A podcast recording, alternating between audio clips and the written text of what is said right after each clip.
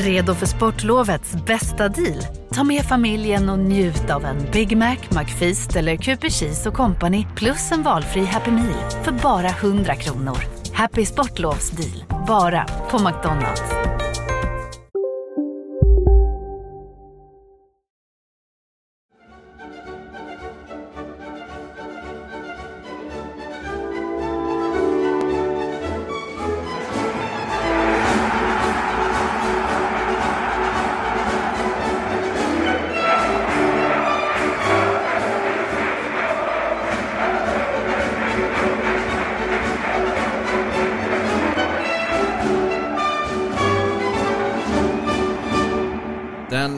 Allsvenska premiären är avklarad. Det blev förlust för HIF borta mot Hammarby.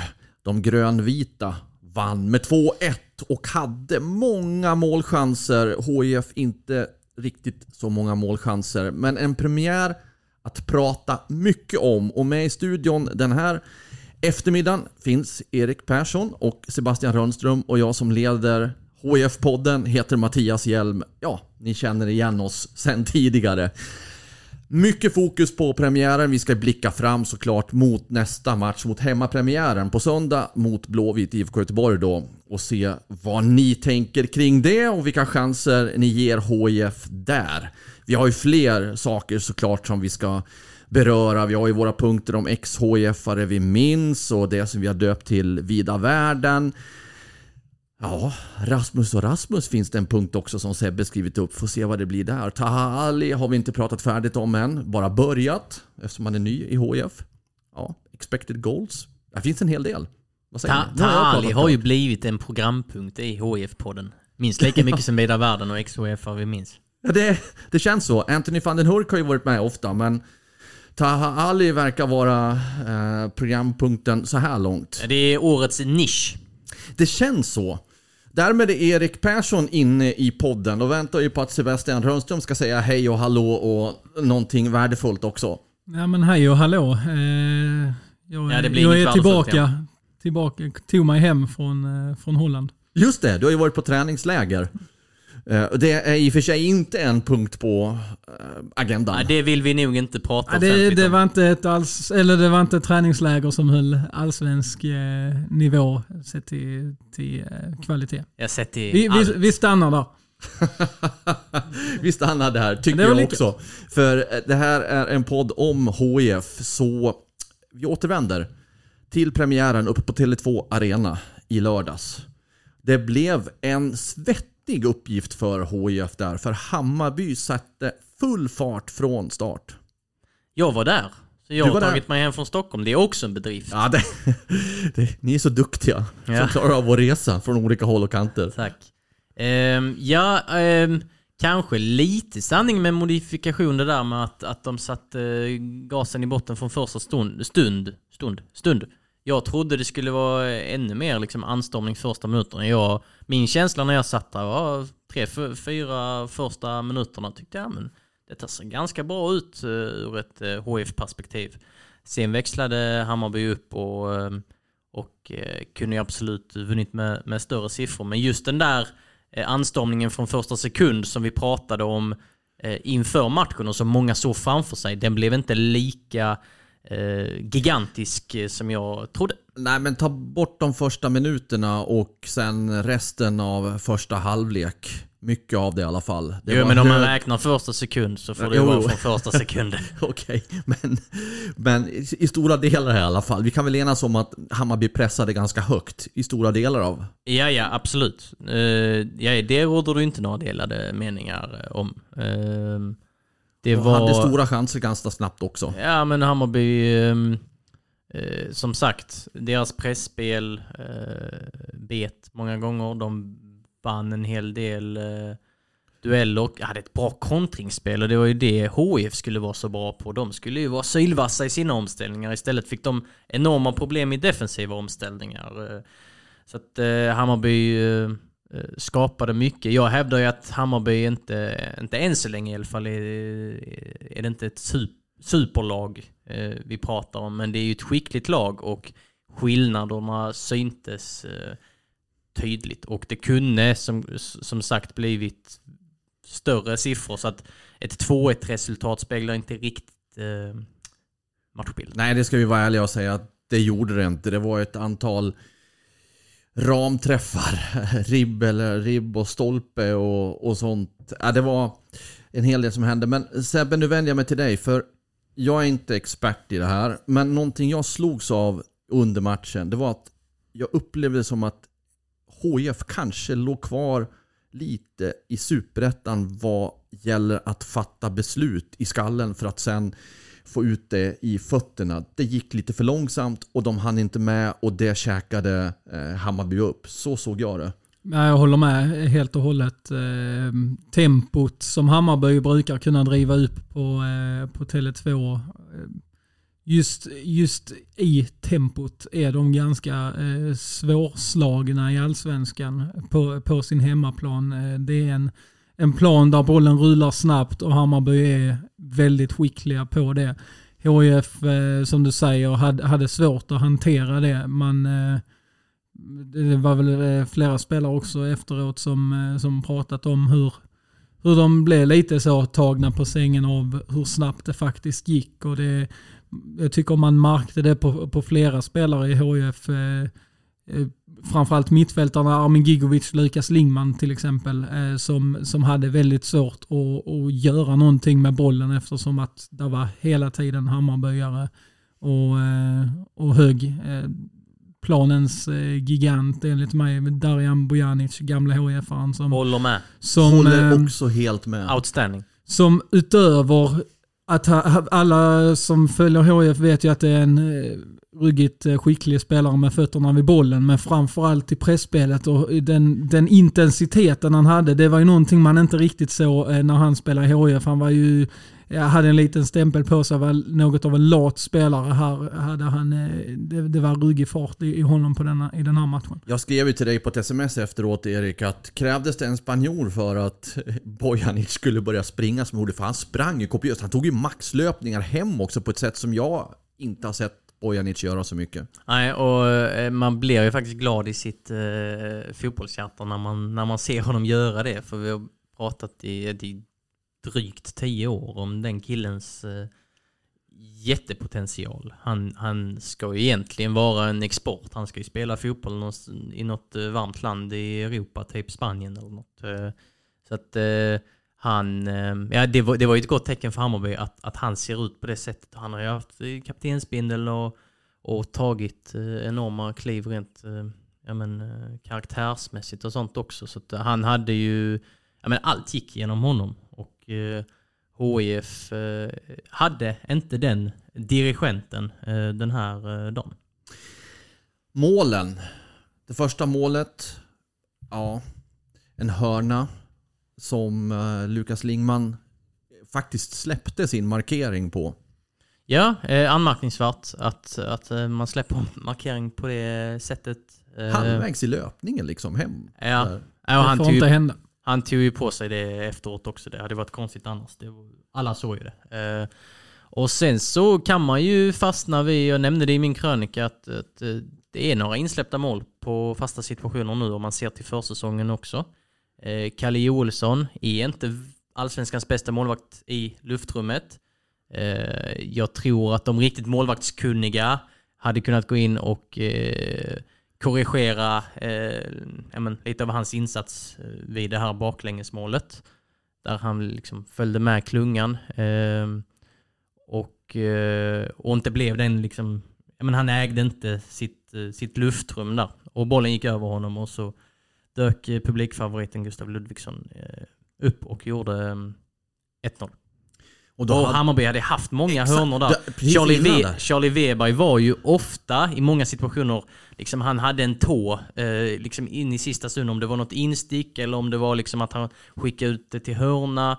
Eh, och så var det även, även denna gång.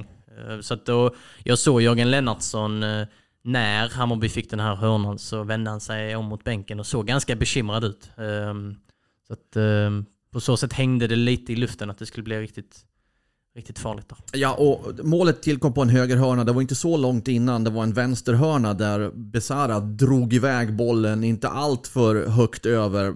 Men det var nära ett ledningsmål innan på en fast situation där. Ja, absolut.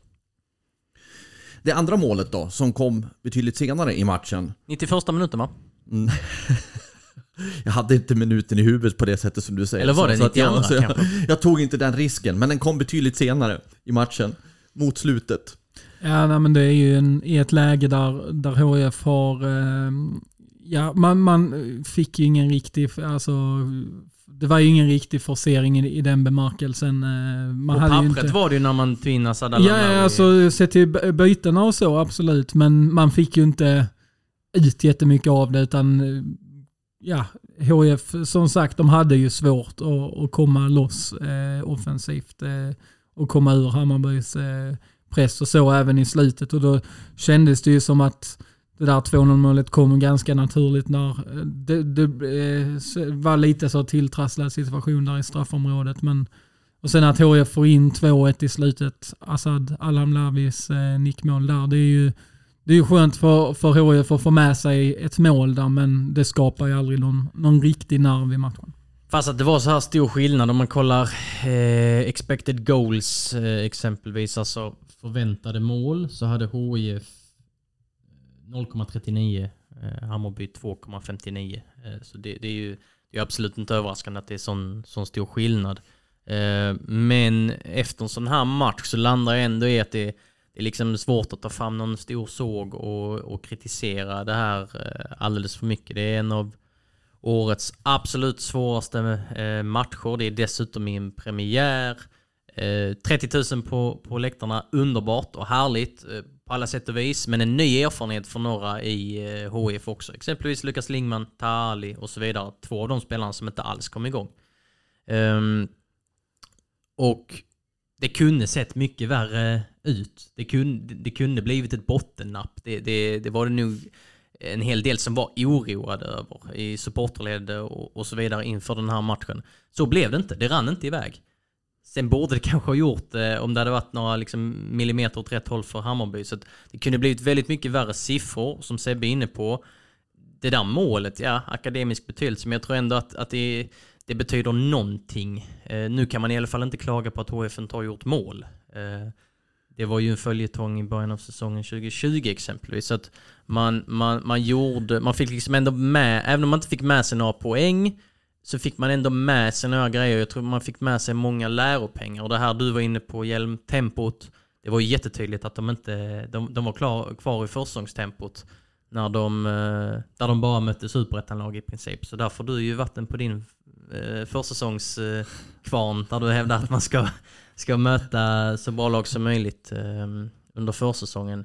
Eh, detta var väl en skjuts liksom mot att de, eh, menar att de kommer komma in i tempot här nu. Det bör ju inte vara ett problem hädanefter. Då är det ju illavarslande. Så att de fick ändå med sig en hel del trots att de inte fick med sig några poäng. Det kunde varit mycket, mycket värre. Eh, jag tycker också alltså att de kan, eh, kunde åka hem därifrån med huvudet högt. Eh, trots allt, eh, det var inte 3-0 hemma mot Varberg som det var 2020 eh, senast de var i Allsvenskan. Och, så nej, eh, ändå ganska alltså, lärdomar att ta med sig, absolut. Och just då kopplat till att det är ju inte de här matcherna HF ska ta sina poäng i, även om man som om eh, hela laget såklart vill göra det, men det är ju mot Degerfors, Sundsvall, de här andra lagen som förväntas vara i botten, det är där HF ska, eh, ska vara med och, och fightas. Att de förlorar med 2-1 mot Hammarby, det, det kan de leva med alla dagar i veckan. Och känslan är att det finns så mycket mer att ta av eh, men i princip alla spelare här. Eh, och Juppi tyckte jag visade jättegoda tendenser ibland. Och sen var det saktfärdigt ibland och eh, han var det syntes att ja, men han, har, han har varit klubblös ett tag. Han var inne på det efter matchen också, att nej, men jag spelar på 80% av min förmåga typ. Formen är inte, inte riktigt på, på topp än. Lukas Lingman, Tali eh, och så vidare. Eh, fler där till som, som eh, har fler växlar i sig. Armin Gigovic var ju, hade ju också eh, en hel del bekymmer. Så att, eh, det är ändå någonting, eh, någonting att eh, ta med sig. Det finns ett, ett, ett tak som de bör komma närmare eh, de kommande eh, veckorna. Liksom. Jag har stått här och varit en lyssnare så att jag får ju vända tillbaka till ditt tidigare säg här Erik och även till ditt och Sebastian. Jag gillar inte riktigt det här att jag ska behöva gå in och balansera eh, någonstans här men jag har ju kanske lite avvikande uppfattning ändå. Jag tror, det som inte avviker det är att jag eh, tror som du där Erik att skönt att inte behöva få frågor om när ska ni göra mål om det nu rullar på då så att det inte blev som förra året. Men ja, resultatet, visst man kan säga det 2-1, ingen katastrof, verkligen inte. Men du var inne på det, några millimeter till Hammarbys fördel. Det hade varit 3-4-0 kanske och då hade vi stått och pratat här på ett annat sätt. Jag tycker nog att det inte riktigt är att man kan åka med så höga huvuden som du säger där Sebbe. Ja, mm. Nej, nej och ja, eh, hålla huvudet högt det kanske eh, Kanske att jag sitter i någon eh, egen båt mellan er här nu. Kanske och ta i jag lite väl mycket. Jag vill inte kritisera för mycket här, Nej, men, jag, jag, tycker inte att man... Jag tycker ändå... Ah, det, var, Nej, men, det, var, det var ju betydligt större skillnad än 2-1 så. Men om jag, om jag får säga en sak då.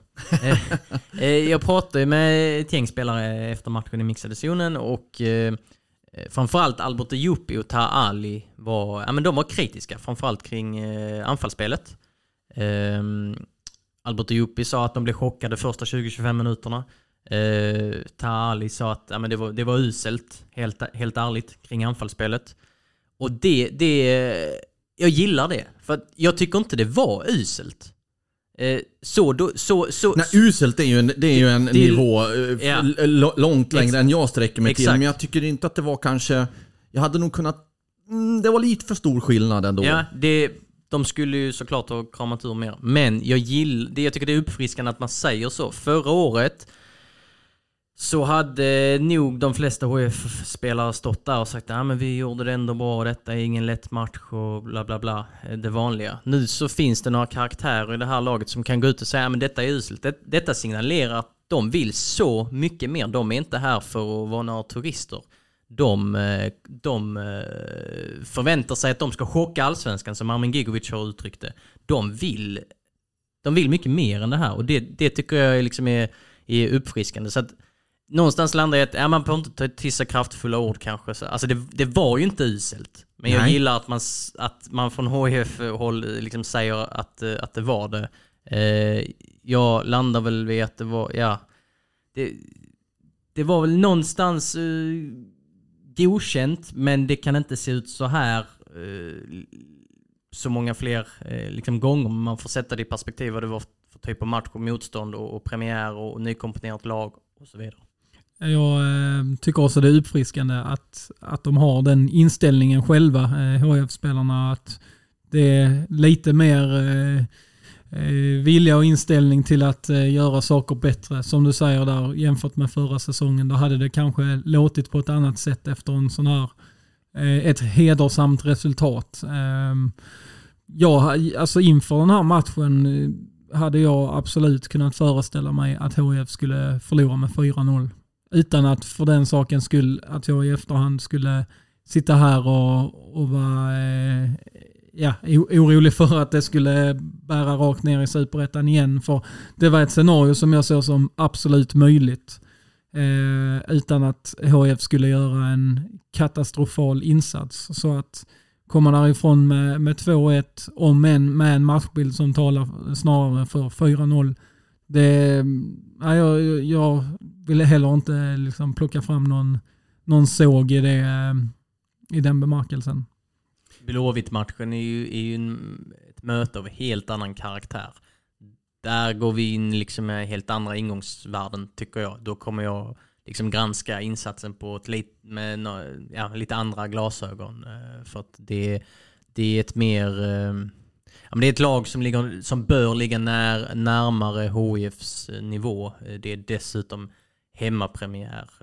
HIF måste göra Olympia till sin hemmaborg igen och eh, Blåvitt är ett lag som har en eh, del skönhetsfläckar. Det har såklart Hammarby också, men det är en svårare uppgift, eller ska vara en svår uppgift att möta Bayern borta i en premiär inför 30 126 människor på läktarplats. Det är en match, eh, Blåvittsmatchen där, som HIF bör kunna ta i alla fall minst en poäng i, eh, sett på förhand. Där ska man ha andra krav på dem än vad man hade inför matchen mot Ja. Hammarby. Då ska det inte vara 0,39 i expected goals exempelvis. Nej men alltså, jag tror att eh, man kan, eller HIF kan släppa eh, premiären ganska mycket och, och veta om att det finns mycket mer att ta av som ni har varit inne. Så att den behöver egentligen inte betyda så mycket. Men eh, ja, jag får säga, det, det, minst en poäng mot, mot Blåvitt hemma. Ja, visst, så, det kan man ju säga. Men alltså, eh, återigen, jag, jag, så här, HIF är nykomling och ah, man går för seger i alla matcher. Men man måste också ha respekt för att Allsvenskan är en nivå högre upp och det kan bli seger och det kan bli oavgjort. Men ja, man får, man får, man får väga in att det är, Blåvitt är, inte, det är inget kastlag. Liksom. Nej, absolut inte. Det är, ju- Det det ska är inte ganska... HIF heller vara i, i den här eh, konkurrensen. De, de ska ju hålla sig kvar eh, i deras målsättning och då måste man ju ta poäng. Det är i och för sig alla Sådana- 16 lags målsättning. Jo, jo, men HIF har, alltså ska man, ska man då hålla sig kvar så behöver man ju plocka poäng i de här matcherna som Göteborg hemma till exempel. Ja, ja det är ju inte riktigt, vi har ju pratat tidigare om HIFs egna allsvenska. Blåvitt är inte riktigt där, men de är precis ovanför om man ser till ungefär vad vi förväntar oss nu. Sen har de ju några klassspelare. De har allsvenskans bästa centrala forward i Marcus Berg exempelvis. Men, men det jag tror det är vi är inne på lite, jag och Sebbe, kan- ja, kanske du också Hjelm, men alltså att eh, resultatet här ger ju ändå lite arbetsro. Liksom. Det hade varit en helt annan eh, känsla och atmosfär om de där distansskotten hade gått in istället. Och eh, visst, det kan inte se ut så i varje match. Att, det är, att man eh, håller ner siffrorna med hjälp av eh, liksom, ramen varenda gång. Men, men nu så var det nog väldigt, väldigt eh, viktigt. Jag tror det skapar någon, någon sorts arbetsro. Att det bara inom situationstecken blev eh, 2-1. Kan det inte vara precis tvärtom? Det hade kanske till och med varit bättre att de där målen hade gått in för då kan man, då kan man liksom inte släta över det eh, på något vis.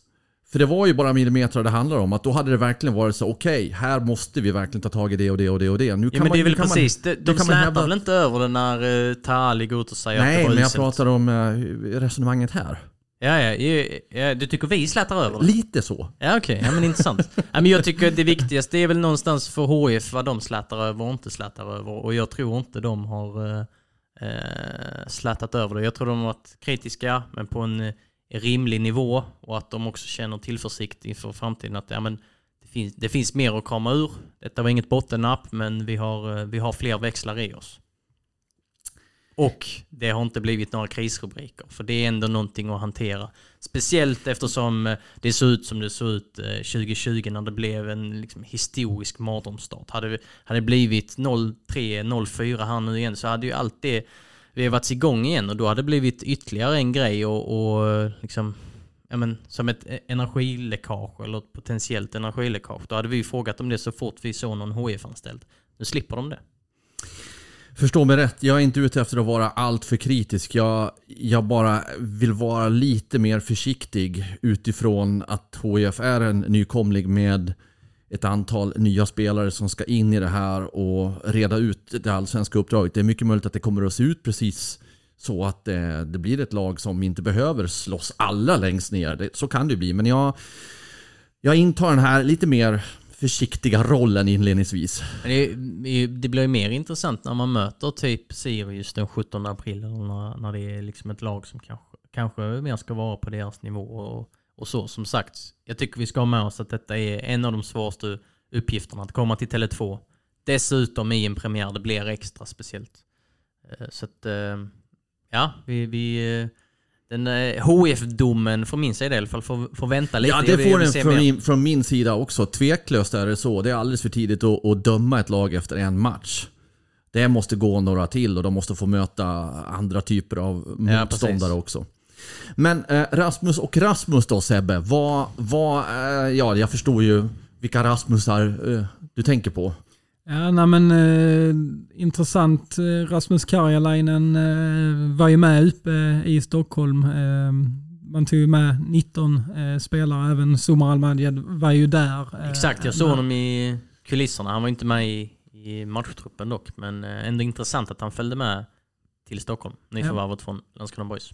Men eh, det var ju en spelare då i truppen som var tvungen att plockas bort och det blev Rasmus Karjalainen. Eh, kanske inte jättesensationellt sett till att van den Hurk given i startelvan såklart och att Asad Alamlavi har, varit het på försäsongen och det är samma position de konkurrerar om. Men det finns ju alltid möjlighet att liksom laborera vilka man vill ha, och med och, och inte. Men att då Rasmus Karjalainen som ändå kom hade en tuff eh, fjolårssäsong men nu är, är fullt frisk och har ändå gjort en, en, klart, ja, en godkänd försäsong här.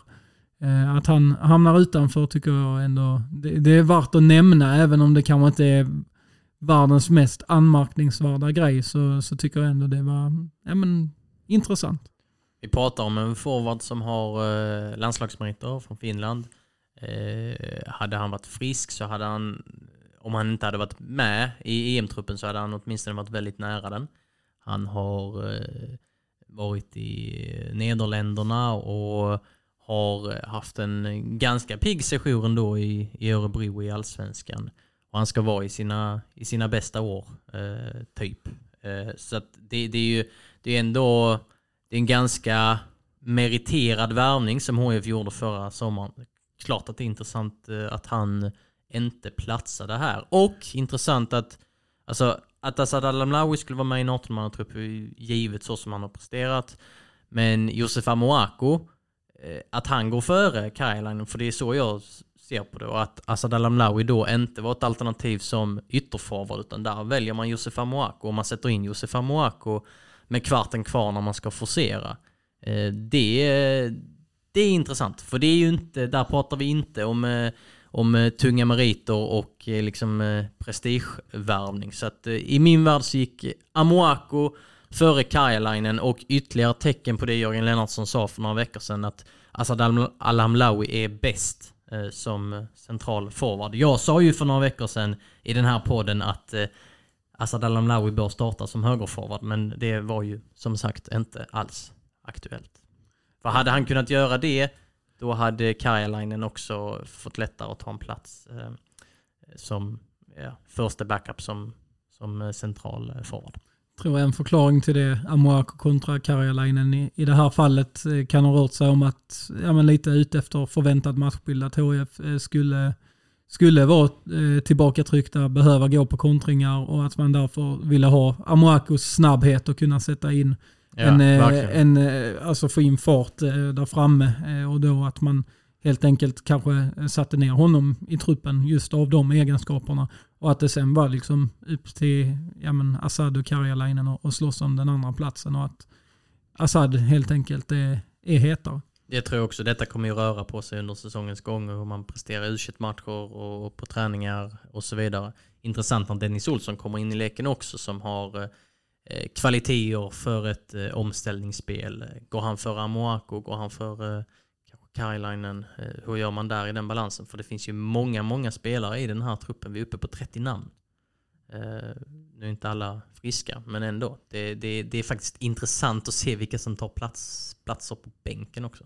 Mer anmärkningsvärt tycker jag då är den andra Rasmus eh, Jönsson som eh, jag ändå tycker Eh, ja, att, att han inte tog en plats i startelvan nu när Armin Gigovic eh, kom in här eh, sent, eh, det har jag inga invändningar emot. Men där var väl vår eh, samlade bedömning här i podden att Rasmus Jönsson låg före Benjamin Aqua i kampen om en startplats. Eh, då när den positionen var öppen. Nu fick han sitta på bänken hela matchen. Aqua kom in eh, istället. Eh, det tyckte jag var ändå intressant i ett läge där HF eh, ska ska försöka forcera och få in ett kvitteringsmål. Rasmus Jönsson med hans eh, offensiva kvaliteter, även om han inte eh, har varit i någon, någon superform, eh, har ju ändå egenskaper som, som borde kunna passa när HF jagar ett, ett kvitteringsmål. Men att han inte kommer in, det, det tycker jag ändå det säger mig mer än vad det säger att Rasmus Karjalainen hamnar utanför just i, i den här matchen. Absolut. Det var um, det, det var anmärkningsvärt. Um, pratar vi också om en rutinerad spelare och med en så jättetydlig HIF-identitet. Det syntes på honom eh, efter matchen. Alla spelare gick ut genom mixade zonen och ut i bussen. Och, ja, men de flesta eh, hälsade och många kom ju och, och, snackade och sånt. Men eh, Rasmus Jönsson, det var blicken eh, långt, långt bort från eh, oss eh, journalister. Han, han eh, såg inte eh, jätteglad eh, ut. Så det ska bli intressant att se hur Jörgen Lennartsson ja, men, hanterar detta. Eh, och hur Rasmus Jönsson hanterar detta rent mentalt. Eh, hur sitter de och, och pratar ut om detta? För det, det, det kanske är läge för det, för det är en ganska speciell grej ändå. Att eh, peta honom på det sättet. Ja, eh, du tror det, även om det är så pass tidigt på säsongen. Och det, det är klart att oavsett vilken spelare det är som har varit med länge så har man väl förståelse för att det finns en stor portion besvikelse. Men Mm. du tror att det alltså snart, om det fortsätter så här, kommer vara, vara viktigt med något slags samtal i så fall? Men det är väl lite... Eh, det är lite skillnad om man Peter Josef Amoako eh, som är helt ny här och, och inte, ja men ung och liksom, utvecklingsbar. Än om man pekar, petar 30-årige Rasmus Jönsson som eh, togs tillbaka till HIF som en profilvärvning och han skulle bli tungan på vågen och, och vara så dominant som han var för några år sedan. Eh, det, det finns liksom andra, andra dimensioner i en, i en sån eh, petning. Det är, Rasmus Jönsson är väl en av de spelarna som, ja, av alla spelare som man kan peta så är han väl en av de mest speciella med tanke på att det finns massa ingångsvärden kring honom. Ehm, En av de känsligaste petningarna. ja. Slutsatserna totalt då, från första över till andra matchen. Vad, vad mer säger ni om spelare? Vad, vad tror ni Lennartsson kommer att ställa upp med mot, mot Blåvitt utifrån allt som ni har resonerat kring nu? Jag skulle tro att det blir eh, samma startelva. Man, eh, ja, men det känns som att man har, man har ändå valt, eh, valt väg på de flesta positionerna. Ja, i, kanske alla egentligen. Ta Ali fick inte uträttat mycket mot Hammarby men Har du också valt att bli egen? Då är det viktigt att skaffa en bra företagsförsäkring. Hos oss är alla småföretag stora och inga frågor för små. Swedeas företagsförsäkring är anpassad för mindre företag och täcker även sånt som din hemförsäkring inte täcker. Gå in på swedea.se företag och jämför själv.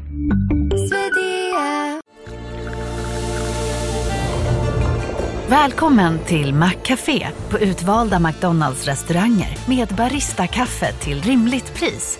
Vad sägs om en latte eller cappuccino för bara 35 kronor? Alltid gjorda av våra utbildade baristor.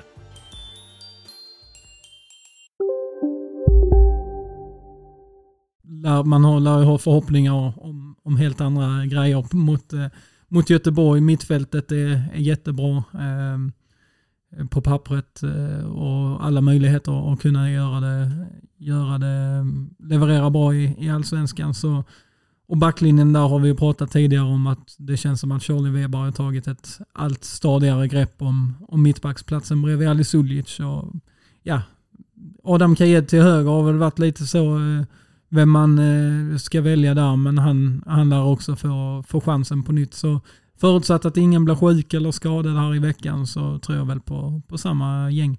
Instämmer du där Erik? Ja men det gör jag. Eh, Taha Ali kan vi ju fastna lite vid. Han, eh, han är ju hypad. Och, Ja, vi har ju absolut hjälpt till med den hypen. Ja, han Kan har ju själv säga. hjälpt till med den också med eh, drömmålet mot Öster exempelvis. Och, och, Ja, ja, två, två väldigt bra mål mot Öster. Ja. Eh, men det första var ju helt otroligt. Men vi behöver inte, Vi behöver inte fastna där. fastna vid det. Men han hade ju jättetuff eh, tuff match mot Hammarby. Eh, det var någon sekvens där det var fyra, fem Hammarbyare på honom när det var ett omställningsläge. De, de, de tog ju honom väldigt, väldigt hårt. Ehm, men jag tyckte ändå det var fint att se honom när man vet. Jag gjorde ju en personlig intervju med honom inför premiären och där han, där han berättade om sin krokiga resa till att bli en eh, profilerad allsvensk spelare som han ju faktiskt en, ändå är och det har han blivit eh, trots att han bara spelat 12 minuter i högsta serien inför den här matchen då. Två korta inhopp för, för Örebro förra året. eh, liksom från, från gården i Tensta och föräldrar som har flytt från Somalia och eh, uppvuxen i Stockholm, eh, fått flacka runt mellan en rad olika småklubbar och så kommer han in här och ska leda sitt allsvenska lag eh, inför 30 000 och familj och vänner på läktaren. Nu gick det inte bra, men det var någonstans ändå fint att se honom på, på den här scenen. Gör vi honom en otjänst, så kanske man inte kan uttrycka det, men ska se om jag kan förklara vad jag menar. Alltså, lägger vi upp förväntningarna för högt på en sån här spelare som faktiskt inte spelat särskilt mycket i Allsvenskan? Eh, ja, men eh, delvis. Absolut. Eh, jag menar när det kommer rubriker där han jämförs med Messi och sådana grejer. Det, det, ingen borde jämföras med, med Messi egentligen, men det, det säger väl någonting om vilka nivåer den här uh, hypen som det verkligen har blivit. Uh, ja, vilka nivåer den har nått helt enkelt. Och det är ju ja, men, det är inte bara vi som skriver och om Tahali och pratar med Tahali utan det är ju journalister från hela landet. Uh, men det är ju också för att han är en han är en oerhört sevärd spelare eh, som, som har en X-faktor och någonstans han förtjänar ju eh, alla ögon på sig. Sen är det klart att man kan diskutera proportionerna för, förstå, förstå mig rätt här. Eh, om man tar ett generellt perspektiv så är vi ganska duktiga på att eh, vi journalister att vi hittar någonting och någon spelare i olika sporter och sen så läggs förväntningarna upp och sen så fortsätter andra journalister prata om dem och så till slut så pratar alla om en spelare som ibland kanske inte har alltså, hunnit visa så mycket som det faktiskt pratas. Alltså någonstans är vi duktiga på att göra hyper också om vi nu ska vara självkritiska. Ja men absolut, och det var ju då när han presenterades, eller i den vevan i alla fall, då, då var jag ju lite, lite sådär, ja men tänk på hans eh, defensiv och liksom alltså att man man, men man får ha lite perspektiv på det och många som pratar upp honom har ju bara sett ett highlights-paket på YouTube. Typ. Pre precis. Eh, och man ska med sig att, eh, att han spelade i Sollentuna för, för eh, vad blir det, drygt ett år sedan, eller ett och ett halvt år sedan. Och, och ja, jag hade koll på honom då och visste att han var en showman och att han skulle komma på elitnivå men, men de flesta fick ju upp ögonen för honom för fyra, fem månader sedan eh, och har kanske inte hela bilden. Och att förvänta sig att han ska gå in och dominera i varje allsvensk match, då, då, då har man eh, då har man kanske eh, ja, men missförstått lite. Det, det kommer nog gå lite upp och ner. Sen, sen tror jag absolut att han kommer visa sin,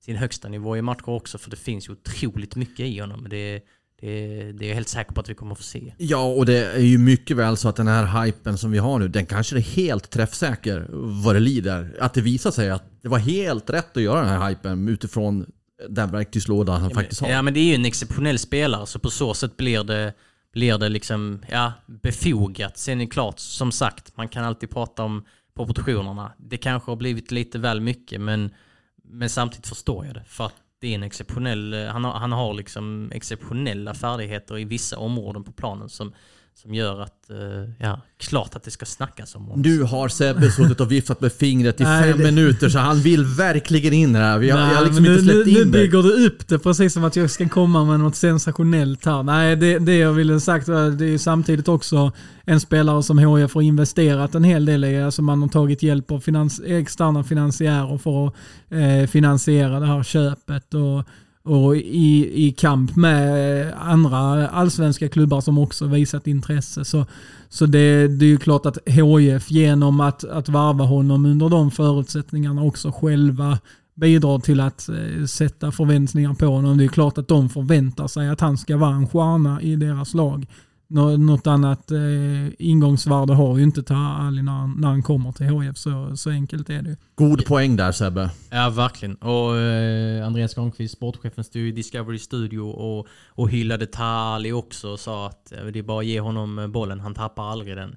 Eh, nu blev det ju så i just den här matchen, men, men det är ju det är inga ord som man, som man vanligtvis hör om spelare och det, det är ju liksom på den, eh, på den nivån att han, ja men han sticker ut helt enkelt. Och det ska bli ruggigt intressant att se hur han, hur han klarar av en hel allsvensk eh, säsong. det skulle ju vara väldigt roligt om han eh, fick ut hela sin potential. För, för mig är ju idrott också inte bara resultat, det är underhållning. Ja, och verkligen. Taha Ali är en underhållare utöver att han då ska prestera för laget. Exakt. Sen ska vi också säga, nu har jag haft förmånen att träffa honom några gånger och göra, göra några intervjuer och, och han verkar väldigt eh, liksom, lugn med allt det här. Alltså det verkar, eh, det verkar inte störa honom att det snackas så, så himla mycket eh, om honom. Så att jag, jag tror ändå att han tar det, tar det hela med ganska ja, men god ro. Han, det, är en, det är en människa med, med verkligen fötterna på jorden och liksom han, eh, han känns väldigt harmonisk. Jag tror inte han svävar iväg i första taget. Jag tror inte. Okej. Vi har en punkt som heter Silly Season. Är inte det över nu tänker jag? Ja, men i silly season kan man ju prata om eh, Året 365 om! dagar så, så om ni har året. redan börjat förbereda er för sommarfönstret? Ja, exakt. Det är det vi ska prata om nu. Ja, Vilka precis. värvningar kommer i sommar? Precis, precis. Nej men eh, det har ju stängt ett transferfönster i Sverige eh, här nu. Det var ju deadline day i torsdags var det väl. Och eh, ja, det har stängt lite, lite transferfönster i, i andra länder också. Eh, en hel del är ju stängda sedan tidigare.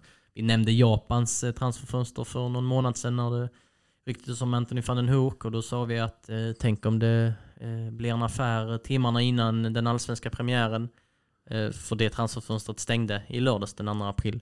Men det blev det ju inte. Anthony van den Hoek tillhör fortfarande HIF och det har också varit aktuellt med utlåning för eh, en eller ett par eh, spelare. Men de har också blivit kvar. Ja, vilket betyder en stor trupp.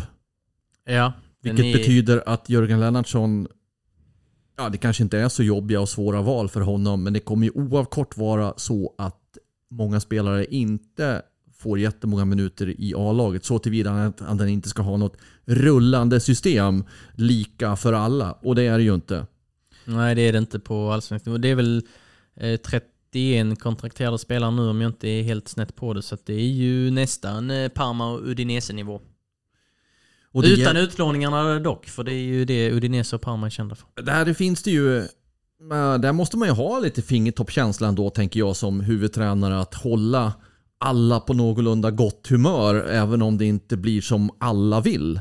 Ja, och det är ju en, en egenskap som, eh, som det pratas mycket om att Jörgen Lennartsson är väldigt duktig på. Det här med att, att bygga grupper och, och få alla att känna sig delaktiga. Men det är ju klart att det är en, en stor utmaning eh, för honom här att, eh, att hålla alla nöjda. Det, det kommer eh, att vara ett antal spelare, vi har nämnt flera av dem redan, som, eh, som inte får spela mycket. Eh, och då, ja, Rasmus Jönsson till exempel, hur, hur nöjd är han över att åka till, till Värnamo och spela en U21-match en, en måndag eftermiddag med den fotbollsbakgrund han har till exempel. Så där kommer att vara spelare som, som antagligen är, är missnöjda med, med speltiden och då blir det ju någonting att jobba med såklart. Eh, 30 kontrakterade är det bara för att vara helt Ja, men det, det, det är faktiskt ja, men det, det är viktigt för det, det är stor skillnad med en spelare hit eller dit. Faktiskt. Är du seriös nu? Ja, Ja, ja. ja absolut. Ja. Ja. ja det är svårt att tolka Det, det. lät som det hade en liten sarkastisk Nej, ton. ja, ja, det nej, lät nej, nej, så. nej. nej men det, det är klart att för varje spelare så det finns ju en, en plånbok i det hela också. Ja, ja. Så en spelare extra eller en spelare eh, färre gör ju skillnad. Och dessutom, ja, med det vi varit inne på, att hålla alla på gott humör också. Så, så för varje spelare, det är inte bara en siffra, det är ju faktiskt eh, mycket känslor i, i varje siffra. Ja. Den 31 som jag tänkte på var Amin Alamawi som har lånats ut till Torn eh, som inte har, varit, inte har en permanent plats i HFs eh, A-trupp. Men eh, Eh, ja, 30, 30 eh, spelare och det har väl framförallt, alltså Rasmus Jönsson och så, han kommer väl få sina, sina minuter ändå när det blir lite skador och lite avstängningar. Vi får se vad som händer när Armin Gigovic lämnar till sommaren för det är ju den initiala planen. Eh, men vad händer med Viktor Göransson, Alexander Nilsson, Nils Arvidsson, Jakob Fölkling Persson när han kommer tillbaka? De, de eh, är ju långt bak i ledet. Sen kommer Andreas Langgren in. Så är det någon eh, som eh, inte får spela blir han då, eller Avisoka och hur tas det? Hur tar Kasper Videll att, att inte spela nu? Vad händer med Viktor Lundberg som har varit backup här som högerback och kan spela överallt på planen? Får han plats i matchtrupperna när Lang Langen kommer tillbaka exempelvis? Viktor Blixt finns där också. Ja, när sen han har är han ju en tillbaka längre från sin resa skada tillbaka, också. men, precis som Fullkolling. Ja. Men eh, det, det är väldigt intressant. Sen kommer det säkert komma nya skador det kommer att komma avstängningar och så. Men det, är, ja, det ska bli intressant att följa hur de, hur de gör. Det kanske inte är ett problem nu och vi kanske inte ska bygga ett problem om det inte finns utan vi får helt enkelt ha det i åtanke och se framöver om det, ja, om det är god stämning eh, om resultaten inte skulle komma med heller. Ja, vad händer med U19-spelarna? Ervin Gigovic, eh, sistaårsjunior. Vilgot Karlsson likaså.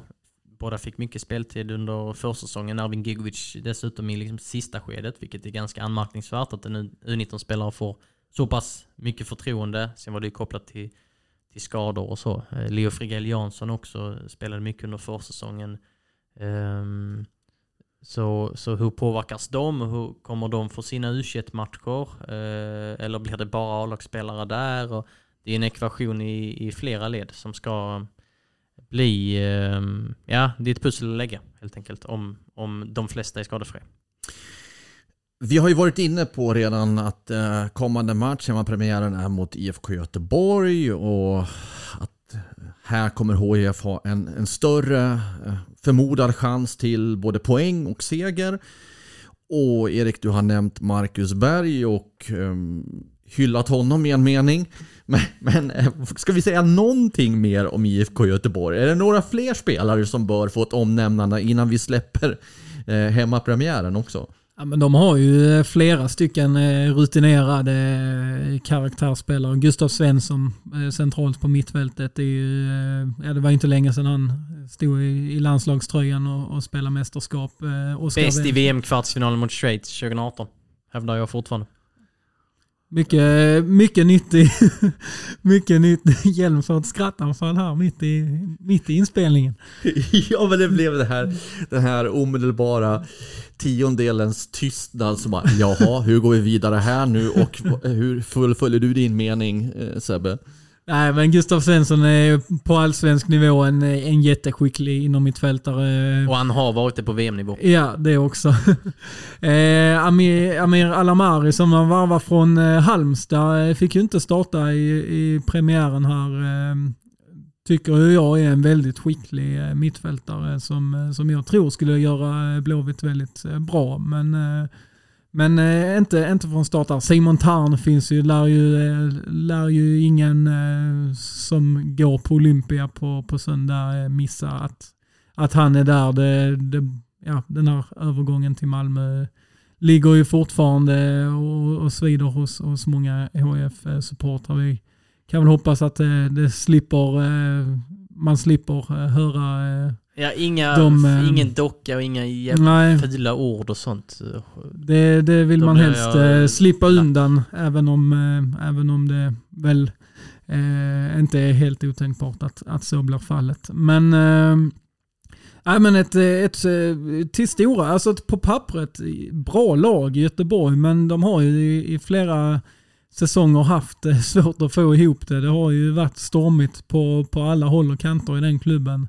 Lite som, eh, som HF. eh, Det har varit haft många det. likheter mellan dem. Det har varit lite HF light i Blåvitt, bara att de inte har åkt hissen ner, känns det som. Precis. Vann med 2-1 nu eh, mot Värnamo i premiären. Marcus Berg gjorde en jättefin insats. Bland annat. Så nej, det är klart det är en tuff uppgift för, för HF. Men ändå eh, bättre chanser att kunna eh, göra något av det här än vad man hade mot Hammarby. Jag ställer en fråga, kompletterande fråga kring IFK Göteborg. Tror ni att de kommer att få ihop det den här säsongen? Ja, det blir två frågor. än. Tror ni att ni får, de får ihop det den här säsongen? Och, och blir det bättre resultat i år än, än förra? Jag, jag tror väl att de hamnar någonstans i mitten men att det kanske inte kommer storma så. Alltså, det kan nog bli en ganska eller en lugnare säsong än vad det har varit innan. Att de inte kanske är indragna i en bottenstrid eh, långt in på hösten men att det kommer att lyfta och att de ska vara topplag. Så, så mycket tror jag inte på dem utan ett mittenlag eh, ja, med marginal både till toppen och botten. Ungefär så. De har Marcus Berg från start nu. Det är en fördel. Du nöjer dig så? Ja, nej men jag eh, tror eh, som Sebbe också. Då släpper vi IFK Göteborg. Vi kommer ju ha anledning i, i nästa veckas avsnitt av HIF-podden att prata om hur det faktiskt sett ut i hemmapremiären. Eh, nu går vi in på någonting som är frikopplat från HIFs insatser på planen här och nu. För vi tar en, en liten historisk utblick. Om vi nu kan säga det, för att jag tror mig veta att det blir lite nutid i den ex-HIF-are som du minns, Erik, idag. Åke. Åke. Å, säger man så? Åke? Jag gör. Du säger Åke. Svenskt uttal. Ja. Åke. Ja, veta. Åke ack på veta. Ni kan ju läsa om chockövergången på hd.se. Oj vad du gick upp i, i tonläge nu. Det var som att det här, det har suttit och laddat för det här i 50 minuter. Ja men typ. Åke Akpovetas 14 klubb i karriären blir alltså Höganäs BK i division 2. Det trodde du ju inte. Nej, det, det, du... det jag, jag, jag, har faktiskt inte tänkt tanken. Det, det ska jag ärligt erkänna. Nej. Ja, den trodde man inte när man, när man vaknade i morse. Ja men det är ju lite, eh, Höganäs har ju haft några profiler på senare år. Eh. De tog hem Sebastian eh, Carlsen för några år sedan. Alvaro Santos gjorde en liten vända där också. Och Höganäs sportchef Mikael Roslund tror att just Alvaro Santos, denna HF-legendar, har, en, har ett finger med i spelet kring, kring den här övergången. För det var nämligen så att Åke Akpoveta ringde själv till Höganäs bara för några dagar sedan och sen gick det snabbt. Höganäs, eller Eh, Åke Povetas eh, förmodade anfallspartner i Höganäs har ju också en, en bakgrund i, i HF. Samuel Assis. Faktiskt gjort ett allsvenskt eh, framträdande, kort sådant, för HF. Om jag inte är ute och cyklar. Eh, även spelat några allsvenska minuter för Sundsvall och spelat superettan-fotboll och så. Så det blir ju ett eh, fint, eh, fint anfallspar där. I, I kulisserna finns också Vuk Lugonic en annan eh, forward med meriter från eh, elitnivå. Provtränare med HF eh, för några år sedan också. Jag såg den u matchen faktiskt. Ja, eh, okej. Okay. Ja, VOK ja. Ja, men eh, betyder det här att... Betyder det här att... Vad händer nu i studion? Skrattar du Sebbe? Är det... Nej, vi får inte bryta, kör på. Är det för, kan du uttala dig varför du skrattar? Nej, det, jo, jag det var så, såklart du hade sett den u matchen ja, där, där han eh, Så stört. Den spelades dessutom i december så det var lite kallt. Men jag minns det. Intervjuade Alexander Tengryd och Vuk Lugonic efteråt. ja, det är magiskt. Men, men ska, jag, ska jag tolka till att båda ni två kommer att frekvent åka till Höganäs under 2022 nu? Ja, jag åkte ju frekvent till Höganäs för några år sedan för att se deras division 2-lag. Bland annat på tiden då Måns Herman, eh, för detta hypad talang i HIF, spelade där. Eh, så att eh, jag har ju sett mina matcher på Höganäs Sportcenter. Det kan ju bli en liten comeback, kanske redan på lördag när det är division 2-derby mot Hittarp. Ni kanske Som står... tränas av Erik Edman. Det är många HF-kopplingar här. och halva HF, eller mer än halva Hittarps lag har ju också spelat i HF. Så det är Precis. i HFs ungdomslag. Ni, ni kanske ska åka ihop till Höganäs? Ja, det, det hade varit oerhört härligt. Men, men alltså, det känns som att vi har kommit lite grann från huvudtemat här, nämligen Åke själv. Vad minns ni från honom som spelare? Jag minns eh, främst eh, en match borta mot Norrby när Åke eh, gjorde två mål. Tror... Var du där? I, ja, jag var där med Filip Gadd som kommer från Helsingborg och jobbar för Expressen. Eh, moderklubb eh, Kullavägens BK för övrigt. Men det var en Parentes. Ehm, då åkte vi dit. Eh, och jag tror det blev 2-2 och eh, på den här tiden var Per-Ola Ljung eh, tränare för HIF. Och eh, efter matchen så pratar jag och Gad med eh, PO då.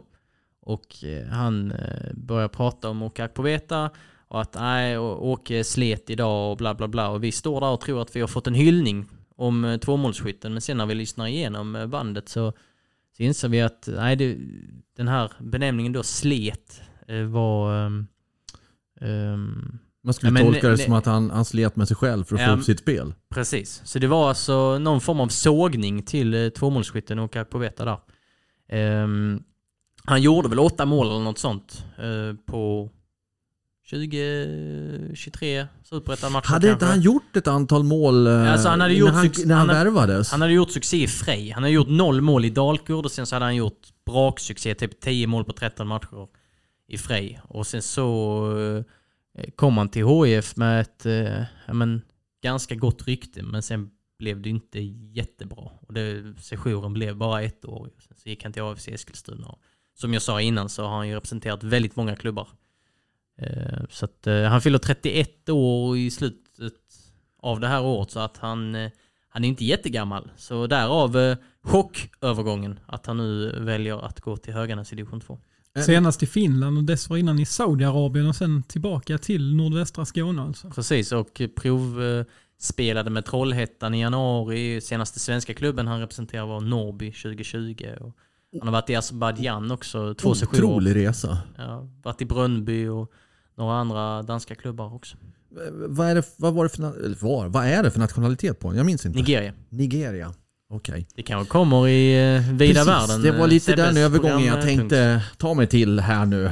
Ja, det blir faktiskt inte Nigeria Aj, idag. aj, då aj, hade då ni hade- annars haft, hade jag ju då hade ni redan här. haft ett namn så det hade ju varit lite tråkigt. Vi, vi ska till ett land där, eh, där det är be- betydligt fler eh, HF-kopplingar än, eh, än vad det finns eh, från Nigeria. Jag tror du Eh, skulle säga en i Höganäs. Nej, vad, vad jag vet så har ingen av de här eh, eh, spelarna tillhört Höganäs. Ehm, tio spelare från ett, eh, ett land i Norden. Danmark? Nej. Norge har vi haft väl? Norge har vi haft. Island. Island är det. TikTok, TikTok, Nu- TikTok. Nu, nu ska vi ta det här. Ja men inte vi- så här det att vi ska lite- köra varannan. Nej men då, då tar vi det i lugn och ro så att ingen pratar i mun på varandra. Okej. Arnold Ja, men- Smarason. Bj- Bjarnason, André Runar Bjarnason. Eh, Viktor Palsson. Ja, Lydsson. Han är väl nummer tre va? Gudjon eh, Peter Lydsson som eh, Ja. gjorde fyra, eh, fyra matcher under eh, guldhösten 2011. Precis, han blev, han blev väl inlånad eh, till HF precis som Sebastian Karlsson som jag nämnde tidigare. Så det var Har vi inte haft Island? Island har vi inte haft. Alfred Finnbogason. Rätt. Fem. Fem där. Fem till. Sa du Arnold Smarason? Ja. Ehm, ehm, Du får ta de fem sista Erik. Nej men tyst nu. Detta är så, detta är så pinsamt Ska alltså. vi prata om någonting medan Erik men tänker? du får ju tänka igen, vi sitter i samma båt Jag är programledare. Vi sitter ju Jag i är samma inte med i den här båt. leken. Två stycken eh, är i närtid. Sa du Bjarnason? Ja, det sa han. Daniel Hafsteinsson. Jajamän. Jo men vi har haft Island. Jag tycker vi har pratat om de här namnen. Nej, det har vi nog gjort i något annat sammanhang. Nej, ja. det var så här. När vi bestämde oss för den här programpunkten så var jag helt eld och lågor. Så jag bad Sebbe att liksom fråga mig på lunchen typ. Och då sa jag liksom, då tog jag själv upp Island. Så var det. Men då har du ändå, alltså trots att du har fuskat Jag har inte fuskat. Och ändå pratat om islänningar i ett Men man annat får väl, sammanhang. det är väl ett fritt land? Jag får väl prata med islänningarna Jo, jo, men en, trots det så lyckas du alltså inte knäcka alla de här spelarna. Som, Nej men detta var ju typ... Där är en, en och en som, som är, var ytterst aktuell för, för inte så länge sedan. Som ni inte har sagt. Ja, Bödvar Bödvarsson. Precis. Det är där vi- tre kvar. En till vill jag att ni eh, kläcker ur er. Sen de andra två, eh, det, det är riktigt stilpoäng. Slutar hans efternamn på son? Ja, det Men- brukar de flesta islänningars namn Fy göra. fan vad dåligt. Jag ville bara hjälpa Erik på traven. Mhm, Kul. Mm, mm, mm, mm. Ja, Jag kommer bli... Det är ingen Gudjonsen. Nej. Jag kommer bli arg. Ja det kommer. Det Säg dem nu på, Sebbe. tu- Vi- det är vi- på tunga. Folk ska vadå, orka lyssna på det här Tänker också. inte du, eh, Hjelm, någonting? Nej, nej.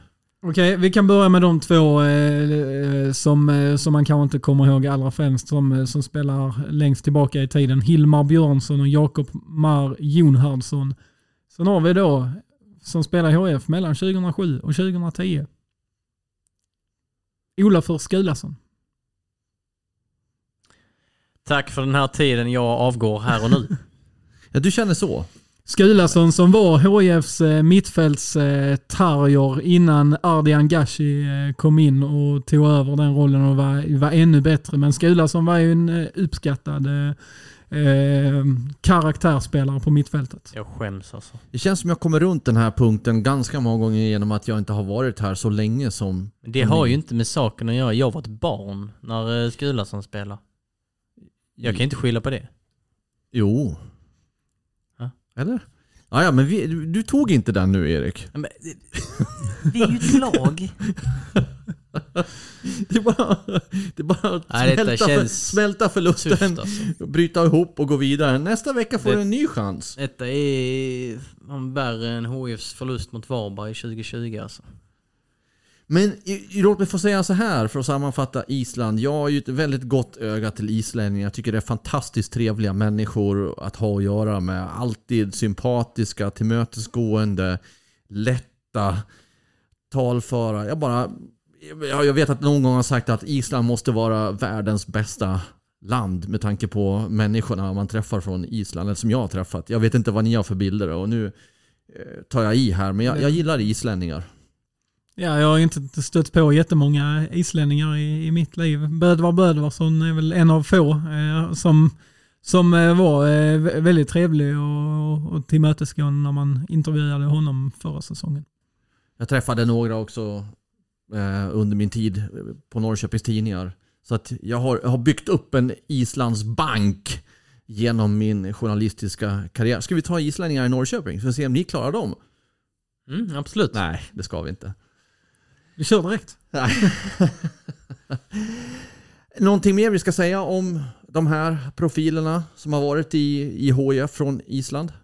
Ja, men två eh, två eh, anfallare där i Alfred Finnbogason och André Runar Bjarnason som satte stort avtryck under den, de perioderna de spelade där. Viktor Paulsson också en sån eh, mittfältstarger en karaktärsspelare. Eh, sen några som då alltså satte lite mindre avtryck. Daniel Hafsteinsson kom ju till HIF med väldigt gott rykte och och hade gjort, eh, gjort det bra i Islands U21-landslag, var, var hyllad på Island. Det var ju lite i den vevan när Island var som allra hetast som fotbollsland och, och Norrköping då som du nämnde hade haft stor framgång med sina islänningar.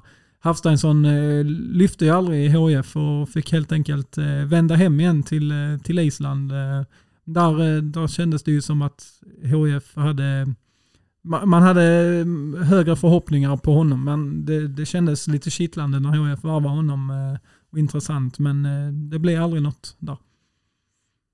Stefan Tordarsson, Fina Stefan Tordarsson. lag. Norrköping. Bra. Gunnar Heidar Thorvaldsson. Åh, underbart. Ah, men vi, Ari Skulason. ja, man har haft någon ung islänning nu nyligen också som Någon Bergman eh, Johannesson. Mm. Arnar Sigurdsson. Åh.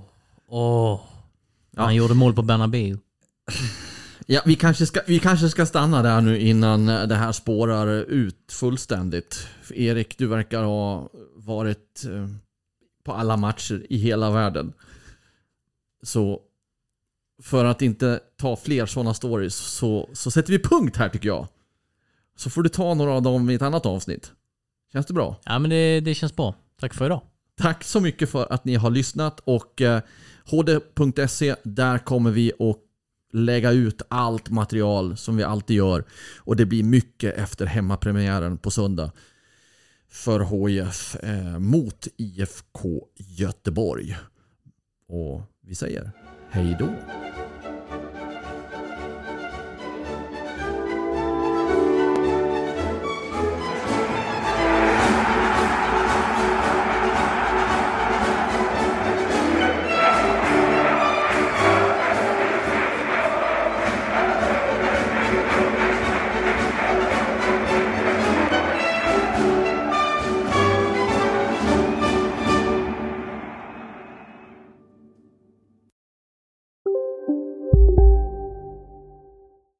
Ni är med om det största.